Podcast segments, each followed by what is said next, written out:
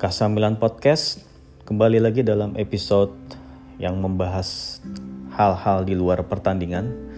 Dan yang kali ini mau gue bahas ini adalah tentang wacana ya wacana perubahan dari kebijakan financial fair play menjadi salary cap dan luxury tax gitu. Jadi ini juga uh, dipicu dari berita yang menyebutkan Severin ingin mengubah sistem gitu. Mengubah sistem yang kelak kalau jadi dilaksanakan ini akan mengubah landscape sepak bola Eropa gitu ya. Itu dengan memperlakukan salary cap. Gitu. Apakah pemberlakuan salary cap ini akan bisa diterapkan gitu ya? Setelah kemarin belum lama ini ada ribut-ribut mengenai Super League gitu ya, yang mana Super League itu kan mengadopsi sistem liga dari apa sistem olahraga Amerika gitu ya, yang tertutup, yang apa namanya, yang sangat-sangat banyak aturannya termasuk salary cap juga kan ciri khas ya dari olahraga Amerika gitu Nah, sekarang tiba-tiba mau diterapkan di kompetisi yang terbuka seperti ini di Eropa gitu. Kira-kira gimana ya? Gitu. Di sini sih gue pengen bahas dulu kayak dari sisi pendapat gue sih, pendapat awal gue gitu ya di sini ya. Jadi gue gue emang bikin ini, gue belum baca banyak literatur atau jurnal-jurnal untuk mendukung gitu ya. Gue juga belum baca kayak teori-teori ataupun contoh-contoh kasus secara mendalam gitu ya. Ini baru kayak initial reaction gue aja. Ini anggap aja kayak uh, quick take atau ya quick reaction terhadap uh, misalnya terhadap pertandingan hasil pertandingan gitu. Nah ini dari berita itu gue pengen kayak memberikan tanggapan awal gitu. Ya nanti bisa berubah kalau emang uh, apa tergantung perkembangan situasi dan juga ya mungkin setelah gue lebih banyak baca-baca lagi gitu ya. Ini ini gue juga termasuk ini sih. Gue gue juga di sini pengen apa ya bermaksud mau brainstorming juga gitu. Kali aja dari episode ini ada teman-teman yang lebih paham soal ini gitu dan mau menanggapi harusnya begini begini gini gitu yang bener gini gini gini gitu. Ya silahkan aja gitu ya. Jadi pertama salary cap ya salary cap itu emang setahu gue ya itu diperuntukkan yang udah pakai sistem salary cap itu ya selain sistem olahraga Amerika itu juga ada Liga Australia setahu gue yang udah pakai salary cap. Liga sepak bola Australia. Jadi yang namanya salary cap itu pun juga sebetulnya dibagi menjadi tiga. Ya ada yang benar-benar kayak hard salary cap atau total salary cap terus ada yang namanya soft salary cap ya. Terus ada yang namanya pakai luxury tax. Nah UEFA ini pakai luxury tax nih tapi ini gue jelaskan dulu satu persatu dari tiga hal tersebut tadi. Kalau hard salary cap ya ini berarti emang bener-bener saklek gitu. Saklek dalam artian ya udah kalau UEFA kan katanya udah uh, mau menetapkan salary cap 70% dari revenue gitu. Ya berarti ya. Kalau udah emang 70% ya udah 70% aja gitu.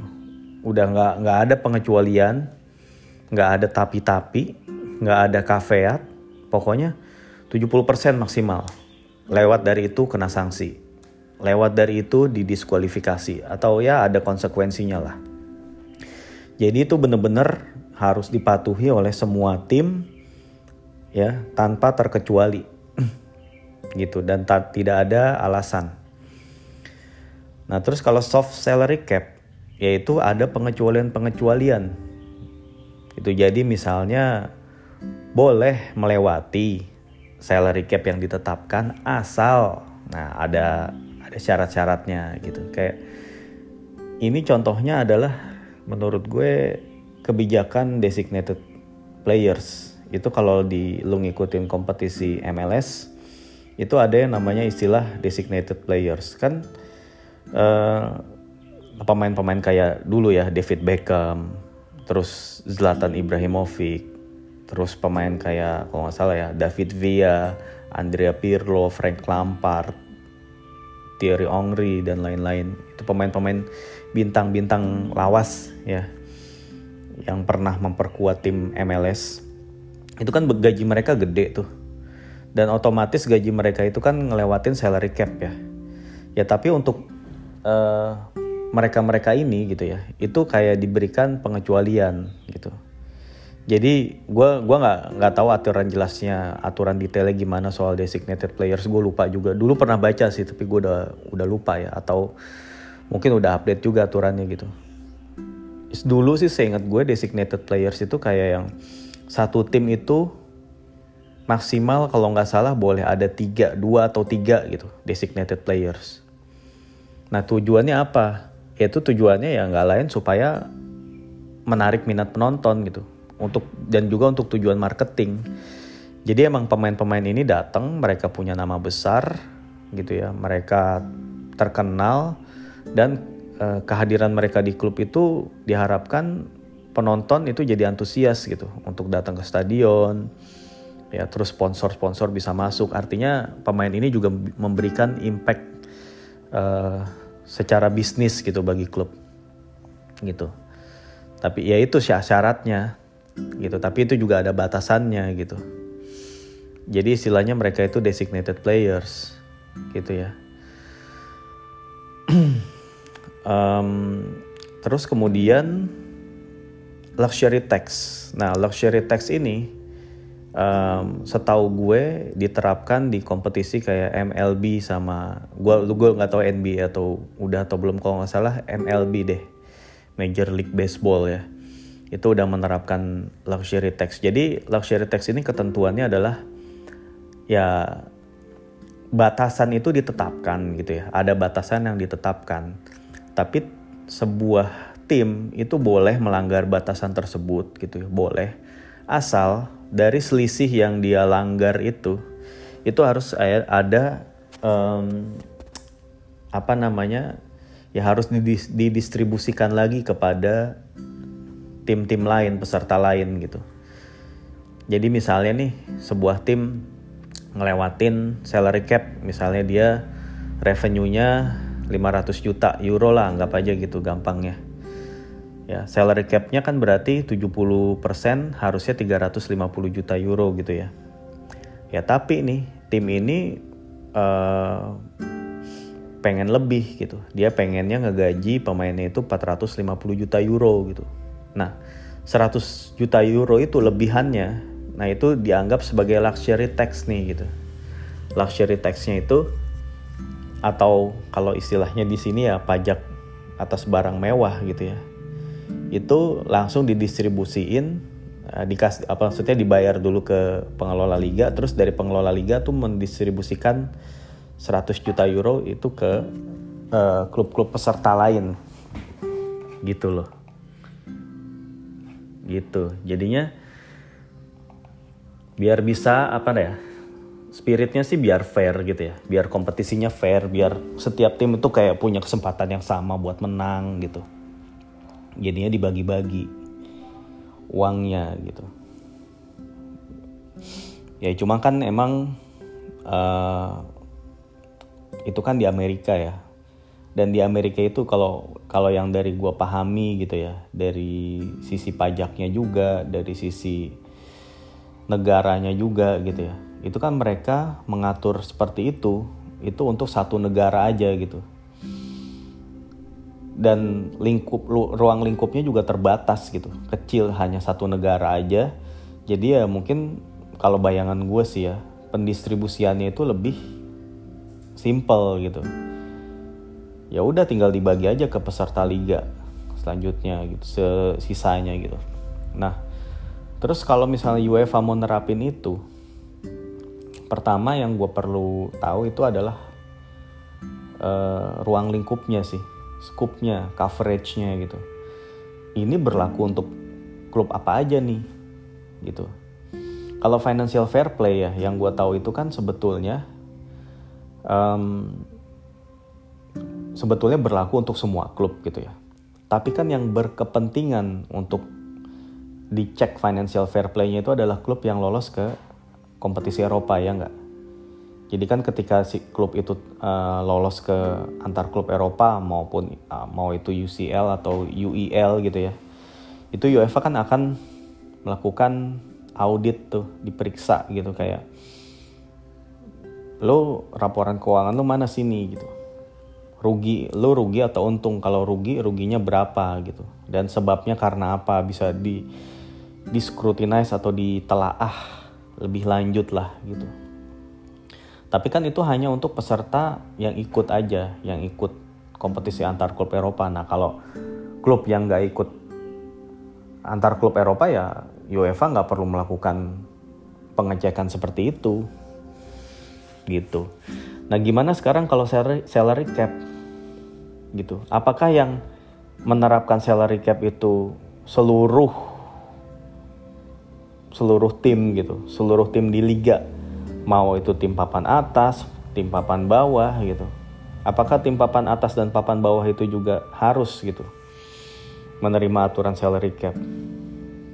Sementara ya tim papan bawah juga ya kalau misalnya mereka pengen naik ke atas mereka kan misalnya nih mereka juga kan perlu misalnya ah gue pengen narik pemain-pemain bintang ah kayak yang dilakukan Parma deh contohnya gitu Parma itu banyak loh transfernya musim ini kalau lu perhatiin gue gua emang gue juga nggak tahu pasti sih biaya gajinya Parma tuh berapa tapi yang pasti mereka tuh narik banyak banget pemain gitu termasuk Buffon juga kan gitu Nah itu total biaya gajinya berapa? Bisa jadi, bisa jadi dan kemungkinan besar ya. Gua rasa um, mereka itu beroperasi dalam rugi gitu, dalam kerugian. Jadi uh, biaya mereka itu bisa aja lebih besar daripada revenue yang mereka dapat gitu. Ya mereka main di seri B gitu. Di seri B sponsor apa sih yang masuk? Terbatas juga berapa sih nilainya gitu. Dibandingin sama gaji-gaji pemain yang mereka datangkan gitu gua rasa uh, si ownernya Parma itu kayak lagi berdarah-darah dulu istilahnya kayak bakar duit dulu gitu kalau bahasa anak startupnya bakar duit dulu nanti kalau promosi lagi ke Serie A kan sponsor udah mulai masuk lagi penonton udah boleh uh, datang ke stadion dan lain-lain hak siar dinaikin yaitu baru mereka akan mulai recover gitu nah kalau ada kebijakan salary cap di sini gitu ya itu klub-klub seperti itu sulit gitu untuk bangkit. Nah ini pemikiran sementara gue gitu ya. Gue lebih tertarik emang ngelihat mekanismenya jalannya seperti apa sih gitu. Klub seperti Parma gitu sulit bangkit gitu, setahu gue gitu ya. Terus um, itu satu concern gue. Terus uh, yang kedua sistem yang mau dipakai itu kan katanya luxury tax ya. Kalau emang luxury taxnya itu akan yang dipakai itu sistemnya sama dengan yang diterapkan di Amerika gitu ya. Yang berarti ya udah klub itu boleh melebihi ambang batas 70% uh, salary capnya gitu ya. Ya gue rasa kalau klub yang emang duitnya banyak gitu ya, mereka nggak akan keberatan untuk spend melebihi salary cap. Ya kayak PSG lah. Sekarang biaya gajinya PSG berapa sih? Bisa 400-an 400-500 juta kali. Ditambah kalau ditambah dengan pemain-pemain barunya Messi, Wijnaldum, Donnarumma, Sergio Ramos gitu ya. Itu udah berapa tuh pemain-pemain barunya? Total biaya gajinya gitu. Nah terus mereka itu total biaya gaji taruhlah 500 juta. Tapi revenue mereka setahu gue itu juga cuma 500-an something lah. Itu berarti melebihi salary cap. Nah teorinya gitu ya mereka harus bayar tuh. Mereka harus bayar kayak kan harusnya tuh mereka kalau revenue-nya 500 juta salary-nya 350 juta ya. Sisanya 150 juta mereka harus bayar tuh. Nah masalahnya bayarnya itu ke mana gitu? Apakah bayarnya ke UEFA? Apakah ke otoritas Liga Prancis. Nah, itu. Dari UEFA terus kemudian disebar merata ke seluruh klub di Eropa atau ke bayarnya ke pengelola Liga Prancis disebar ke klub-klub Liga Prancis lain terus. Atau bayarnya ke UEFA tapi disebarnya ke ke klub-klub yang kompetisinya sama diikuti oleh PSG gitu. Misalnya PSG ikut Liga Champions. Nah berarti yang berhak menikmati luxury tax-nya itu adalah klub-klub lain di luar PSG yang juga peserta Liga Champions gitu.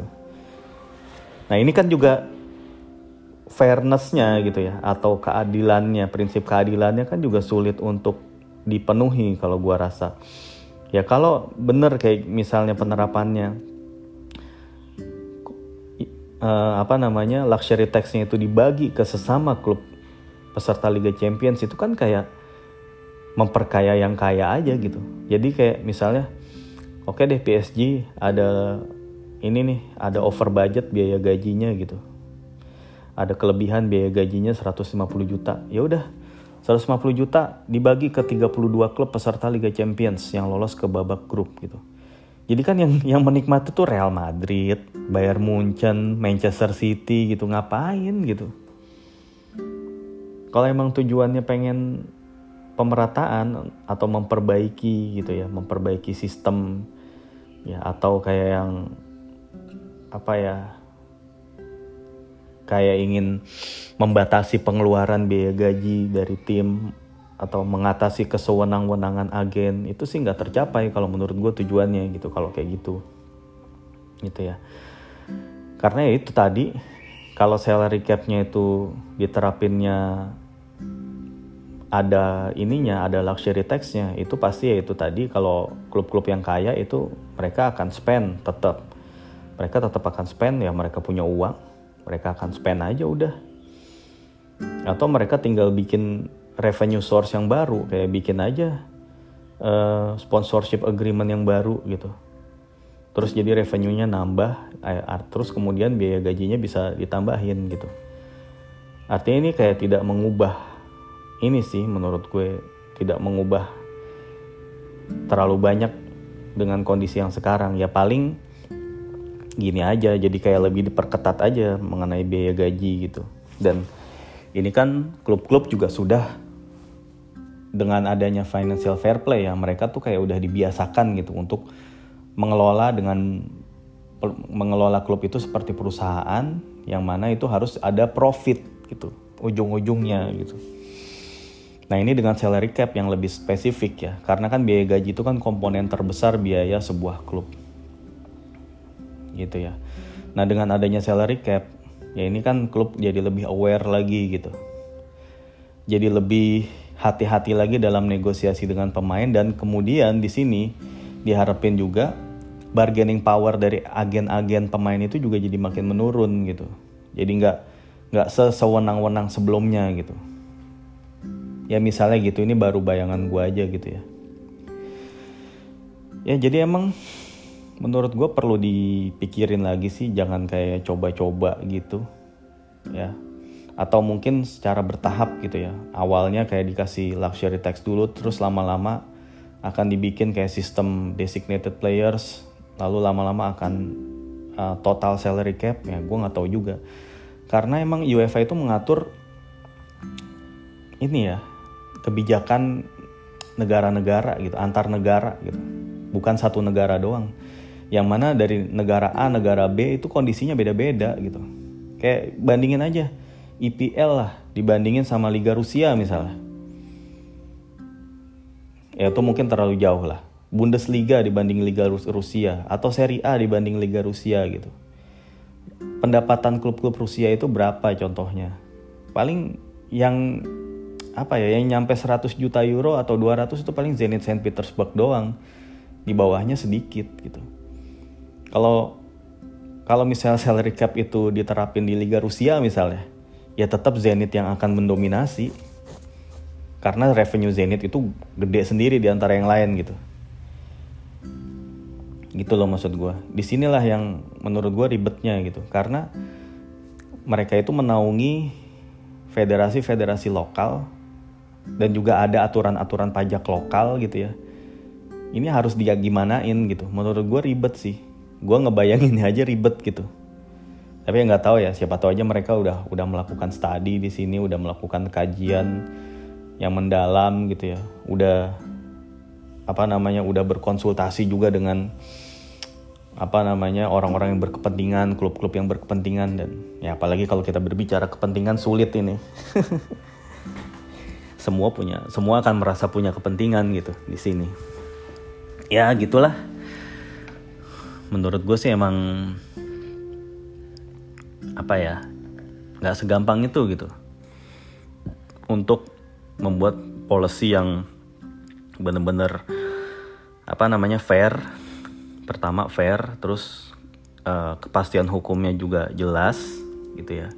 Dan manfaatnya juga emang bisa dirasain dengan apa ya dengan tepat sasaran gitu. Tepat sasaran tepat guna gitu itu itu akan sulit sih menurut gue kalau Amerika kan balik lagi ke Amerika ya mereka kan cuma satu negara gitu. Dan ya size mereka dari size secara ekonomi, size secara demografi dan lain-lain itu juga udah masuk pertimbangan gitu. Dan mereka itu lebih ini lebih relatif sama lah gitu.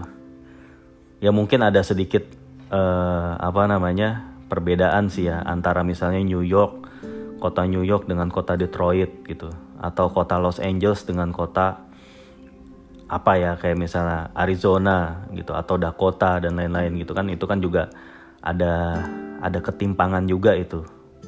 Ya tapi kan ketimpangannya itu kan nggak terlalu apa ya nggak terlalu besar gitu. Gapnya nggak terlalu besar nggak seperti Eropa. Eropa yang terdiri dari banyak banget negara dan dari banyak negara itu juga ada yang kaya ada yang miskin ada yang penduduknya banyak ada yang penduduknya sedikit gitu. Itu untuk membuat sebuah kebijakan yang uniform gitu ya atau seragam gitu. Itu memang perlu kajian yang mendalam dan dan itu kompleks banget sih kalau gue bilang. Seperti halnya penggunaan mata uang tunggal dan segala macam dan Uni Eropa gitu-gitu. Ya itu kan kalau diterapin tuh harus menguntungkan semua gitu. Dan ini sifatnya juga multilateral dan menurut gue ini impactnya bisa ke mana-mana sih. Ya gitu aja sih menurut gue uh, untuk initial reaction gue. Ya mungkin nanti kalau ada bahan atau tambahan lagi gue bisa tambahin lagi lah di sini. Gitu aja ya. Untuk saat ini sorry kalau kurang berkenan. Makasih udah dengerin Kasamilan Podcast. Ciao you